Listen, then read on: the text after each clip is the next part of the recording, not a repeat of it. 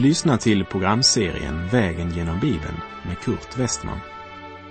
Programmet sänds av Transworld Radio och produceras av Norea Radio Sverige. Vi befinner oss nu i Hesekiels bok. Slå gärna upp din bibel och följ med.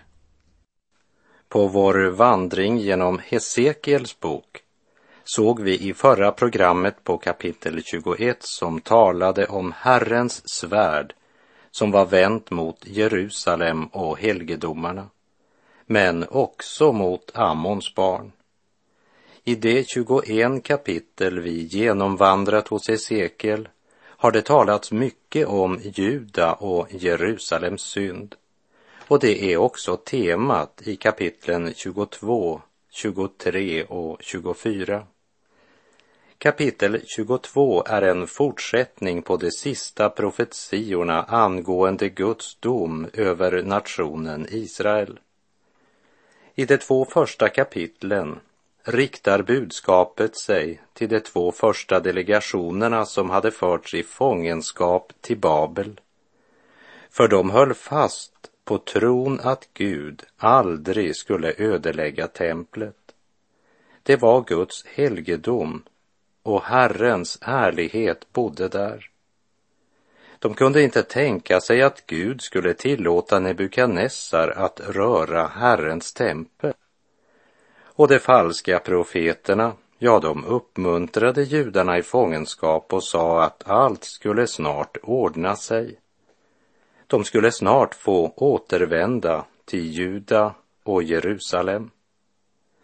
De sa inte ett ord om folkets synd. De sa aldrig att ni måste överge avgudarna och vända om till Herren Gud.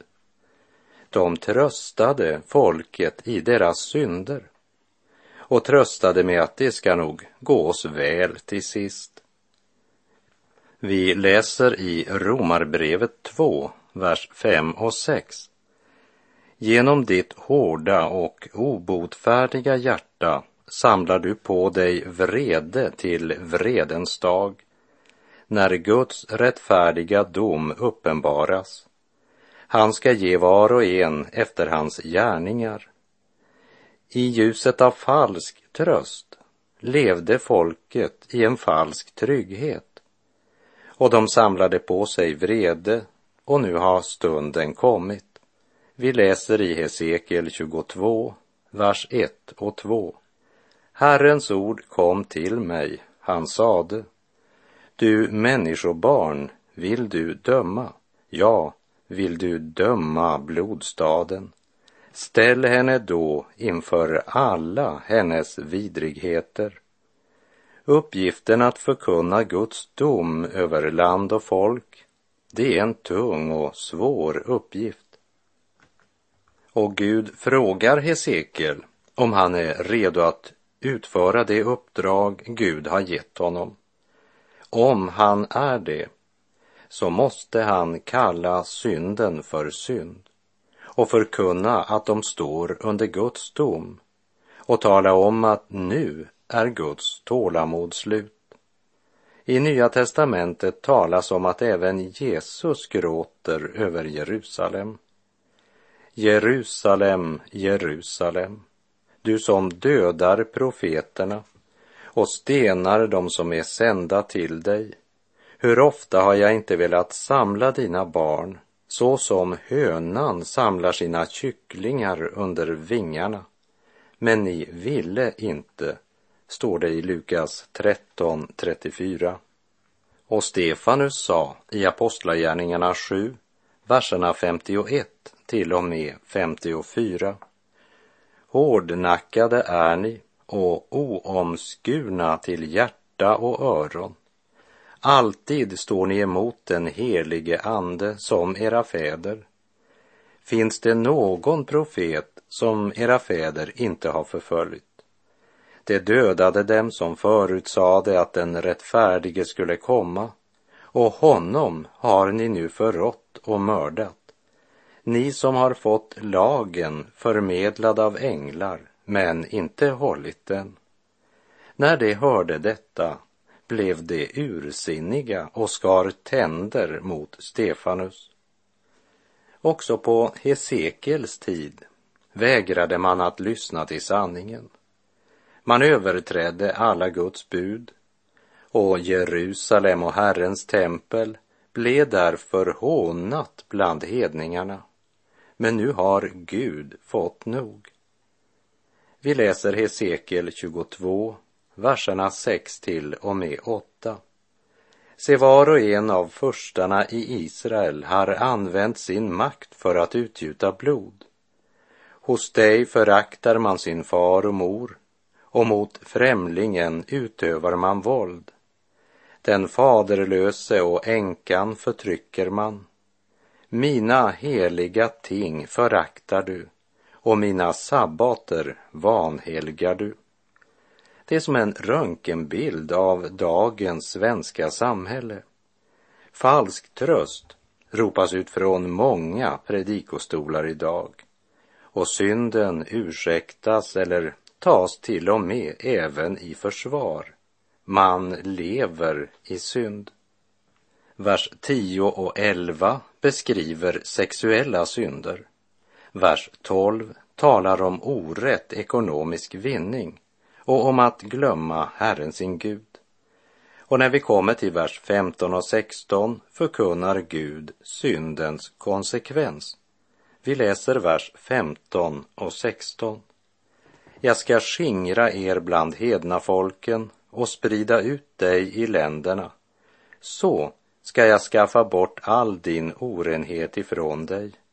Du ska bli vanärad inför folken genom din egen skuld och du ska inse att jag är Herren. Den vanära som de ådragit Gud slår nu tillbaka på dem själva. De ska skörda vad de har sått. Och då kommer de att inse vem den helige är. Och att de falska profeterna och det budskap som kliade dem i öronen kostade dem livet. Hesekiel 22, vers 25. De profeter som finns där har sammansvurit sig och blivit som rytande, rovgiriga lejon. De slukar människor, de roffar åt sig gods och dyrbarheter och gör många till änkor. Sekulariseringen och världen fyllde de falska profeternas hjärtan. De tröstade folket i deras synder samtidigt som man sa att Herren är med oss. Vi ska snart återvända till vårt land. Och det tyckte folk om att höra. Världslighet och gudstjänst blandas om varandra och fick den religiösa verksamheten att blomstra i landet. Vi läser Hesekiel 22, vers 26. Prästerna kränker min lag och vanhelgar mina heliga ting. Det skiljer inte mellan heligt och oheligt och undervisar inte om skillnaden mellan rent och orent. Det blundar för mina sabbater och så blir jag vanhelgad mitt ibland dem. Uppenbarelseboken 2.29 säger Den som har öron må höra vad anden säger till församlingarna. Hesekiel 22, vers 28. De profeter de har tjänar dem som vitkalkare. De skådar åt dem falska profetsyner och spår åt dem lögnaktiga spådomar. Det säger, så säger Herren, Herren, fast Herren inte har talat. Den som vitkalkar synden det vill säga ursäktar synden, han blir själv en vitkalkad grav. Den som bedrar slutar själv som den bedragne. Och det uttryckte Jesus så här i Matteus 23, vers 27. Ve er skriftlärda och fariseer, ni hycklare. Ni liknar vitkalkade gravar. Utanpå ser det vackra ut, men inuti är det fulla av det dödas ben och all slags orenhet. Ve den förkunnare som inte undervisar om skillnaden mellan rent och orent och därmed leder folket in i helvetet med sin falska tröst. Eller som en av våra fäder uttryckte det, vad är en död tro? En död tro är att utan sann omvändelse och bättring tillägna sig tröst av Guds nådelöften. Kära lyssnare, må Gud bevara oss från en död tro.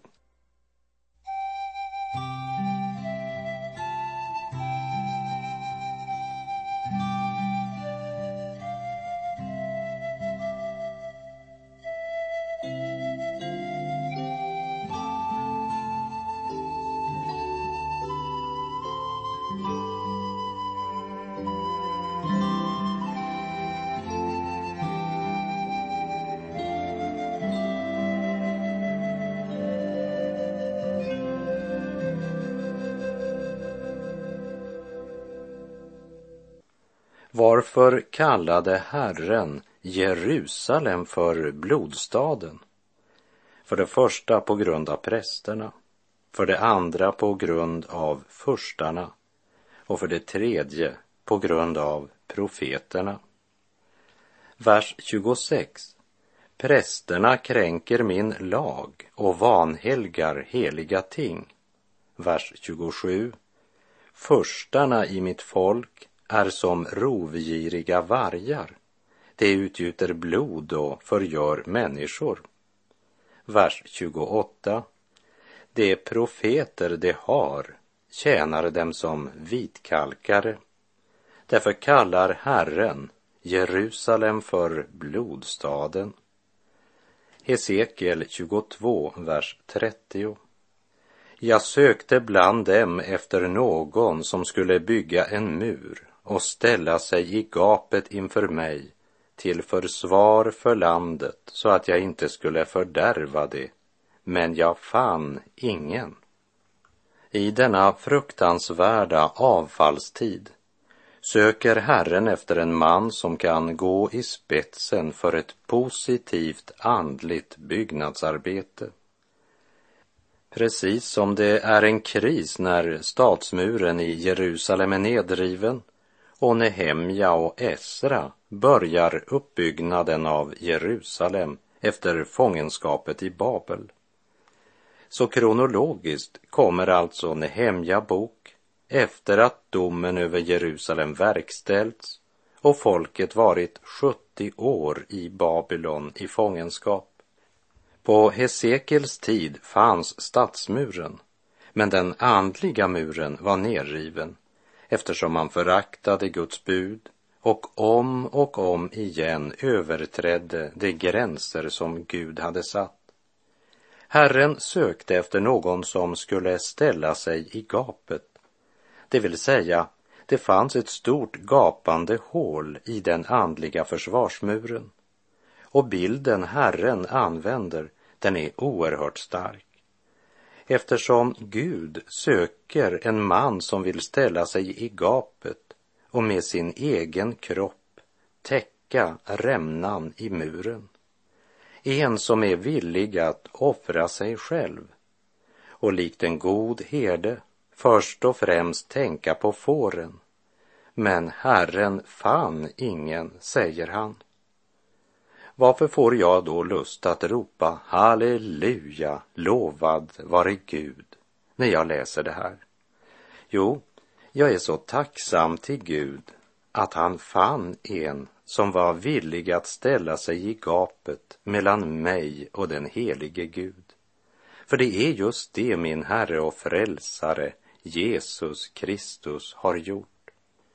Underbara sanning att Gud ser var och en som tagit sin tillflykt till Kristus, i Kristus. Han är den som ställt sig i gapet och uppburit straffet för din och min synd så att Guds vrede inte ska drabba oss. Guds vrede drabbade honom som ställde sig i gapet. Vi förnimmer smärtan hos Gud när han genom profeten Hesekiel säger Jag sökte bland dem efter någon som skulle bygga upp en mur och ställa sig i gapet inför mig till försvar för landet så att jag inte skulle fördärva det. Men jag fann ingen. Hesekiel kapitel 22, vers 31. Därför utgjuter jag min vrede över dem och gör slut på dem med min förbittringseld. Deras gärningar ska jag låta komma över deras huvuden, säger Herren, Herren. Ja, det är situationen för den som förkastat Gud. I Romarbrevet 3, verserna 23 till och med 26 skriver Paulus alla har syndat och saknar härligheten från Gud. Och det står som rättfärdiga utan att ha förtjänat det av hans nåd därför att Kristus Jesus har friköpt dem. Honom har Gud genom hans blod ställt fram som en nådastol att tas emot genom tron. Så ville han visa sin rättfärdighet eftersom han hade lämnat ostraffade de synder som förut hade blivit begångna under tiden för Guds tålamod. I den tid som nu är ville han visa sin rättfärdighet, att han själv är rättfärdig när han förklarar den rättfärdig som tror på Jesus. Min vän, sök Herren medan han låter sig finnas. Åkalla honom medan han är nära och säg till Herren, döm mitt hjärta här i tiden innan världen döms av dig. Och när tiden är förliden i ditt domslut, fria mig.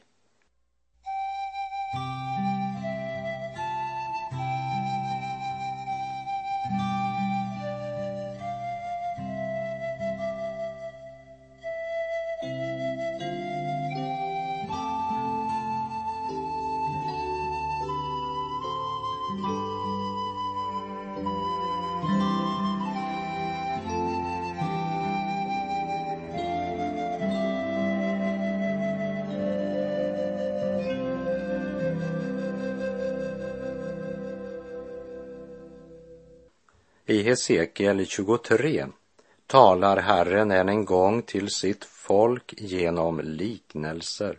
Men ett andligt blint och dövt folk skrattade nog bara och sa, vad är det nu han säger? Vart vill han komma med en sån liknelse om två systrar? Men också denna gång börjar Hesekiel med att säga att det är inte han som har skrivit brevet. Han är bara brevbärare budskapet kommer från Israels Gud. Hesekiel 23, verserna 1 till och med 3. Herrens ord kom till mig.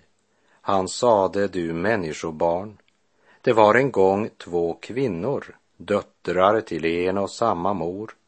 De bedrev otukt i Egypten. Ja, redan i sin ungdom bedrev de hor. Där kramades deras bröst och där smekte man deras jungfruliga barm. Två kvinnor, döttrar till en och samma mor. Stammor var Sara och alla Israels tolv stammar har sina rötter i patriarkernas släkt. Men under Salomos son Rehabiams tid så delades riket Nordriket med sina tio stammar och Sydriket med Juda samt en del av Benjamins stam samt det bland leviterna som önskade att stanna för att upprätthålla gudstyrkan i Jerusalem. Men både Nordriket och Sydriket hade samma stammor, Sara. Hesekiel 23, 4 den äldre hette Ohola och hennes syster Oholiba. De blev mina och födde söner och döttrar. Namnet Ohola står för Samaria och Oholiba för Jerusalem. Ohola betyder hennes eget tält. Oholiba betyder tältet i henne. Ohola, Nordriket, det hade lösrivit sig från Juda och Jerusalem. Och kung Jerobeam han satte upp två kalvar av guld, den ena i Betel och den andra i Samaria, för att folket i Nordriket inte skulle gå till Jerusalems tempel för att tillbe där. Det var lätt, både för profeterna och folket i Sydriket, att säga att Gud skulle döma dessa stammar för denna avgudadyrkan. Och det gjorde han också. Men han kommer också att döma Sydriket. För även om de hade templet, ceremonierna och ritualen så levde de inte efter Guds vilja. Och ingenting berövar det andliga livet och kraften som att bekänna sig till Gud utan att leva i Guds fruktan och helgelse. Och det sker i många församlingar, även i fundamentalistiska. Visst blir vi frälsta av nåd. Det är det enda sättet på vilket vi kan bli frälsta, av nåd. Om inte Gud vill frälsa av nåd så finns det ingen möjlighet för mig att bli frälst, den saken är klar.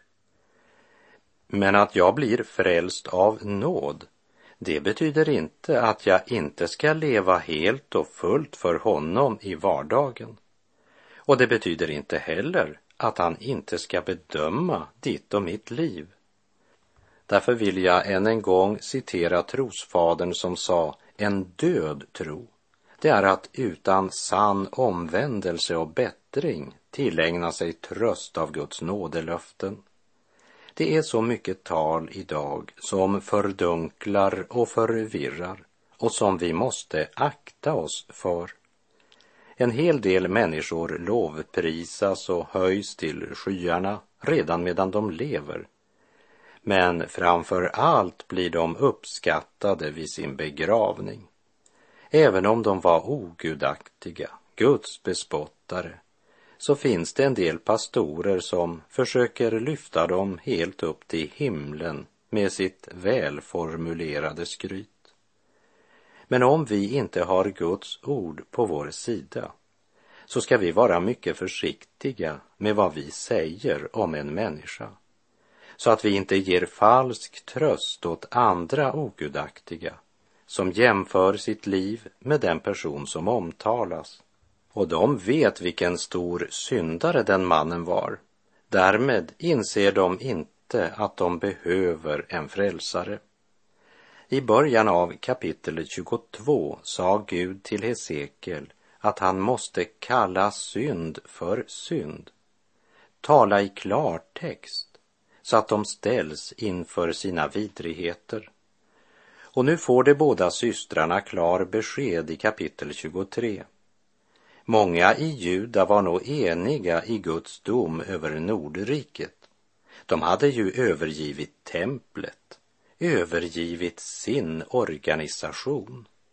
De kom ju inte längre till gudstjänsten i Jerusalem. Sydriket kände sig trygga. De hade ju både kyrkbyggnad och präster som var officiellt invigda. Men det är ingen hjälp i allt det när prästerna inte längre undervisar om skillnaden mellan rent och orent, som vi läste i kapitel 22, vers 26. Folket i Juda och Jerusalem borde ha tagit varning när Guds dom gick över Nordriket och de blev bortförda till Babylon. Men de menade att eftersom Herrens tempel stod i Jerusalem så kunde inte Gud låta staden falla i hedningarnas händer. Men den var ju redan i ogudaktiga händer, så Gud hade inget att förlora. Folket i Jerusalem borde ha lyssnat till Guds varningar den gången. Liksom allt Guds folk idag borde lyssna till apostelns förmaning när han säger Pröva er själva om ni lever i tron. Pröva er själva. Eller vet ni inte med er att Kristus Jesus är i er? Gör ni inte det, består ni inte provet. Nu kanske du frågar, tror du inte att ett Guds barn kan vara helt säker på att Jesu frälsningsverk är nog och att man blir frälst genom tron? Ja, det tror jag. Men jag vet att man blir inte frälst genom en inbillad tro eller genom en låtsastro. Om jag köper ett äppelträd och så planterar jag det i min trädgård och vattnar och göder trädet. Men efter fem år ser jag inga äpplen utan bara björklöv. Då inser jag att det bara var inbildning när jag trodde att jag hade ett äppelträd. Därför säger också Jakobs brev kapitel 2, vers 20. Men vill du inte inse, du tanklösa människa, att tron utan gärningar är död? Båda systrarna, Nordriket med sina guldkalvar och Sydriket med sitt ståtliga tempel, präster och ritualer, stod nu båda under Guds dom. För mitt i sitt religionsutövande glömde man Gud. Och med det så är vår tid ute för den här gången. Läs gärna hela kapitel 23 efter programmets slut. Jag citerar Hesekiel 23, vers 35. Därför säger Herren, Herren så, eftersom du har glömt mig och kastat mig bakom din rygg måste du också bära följderna av din lösaktighet och din otukt. I Galaterbrevet 5, verserna 19 till och med 24 står det Köttets gärningar är uppenbara. Det är otukt, orenhet, lösaktighet, avgudadyrkan, svart svartkonst, fiendskap, kiv, avund, vredesutbrott, gräl, splittringar, villoläror, illvilja, fylleri, utsvävningar och annat sådant. Jag säger er i förväg vad jag redan har sagt. Det som lever så ska inte ärva Guds rike. Andens frukt däremot är kärlek, glädje, frid, tålamod, vänlighet, godhet, trohet, mildhet och självbehärskning. Sådant är lagen inte emot. Det som tillhör Kristus Jesus har korsfäst sitt kött med dess lidelser och begär. Herren vare med dig. Må hans välsignelse vila över dig. Gud är god.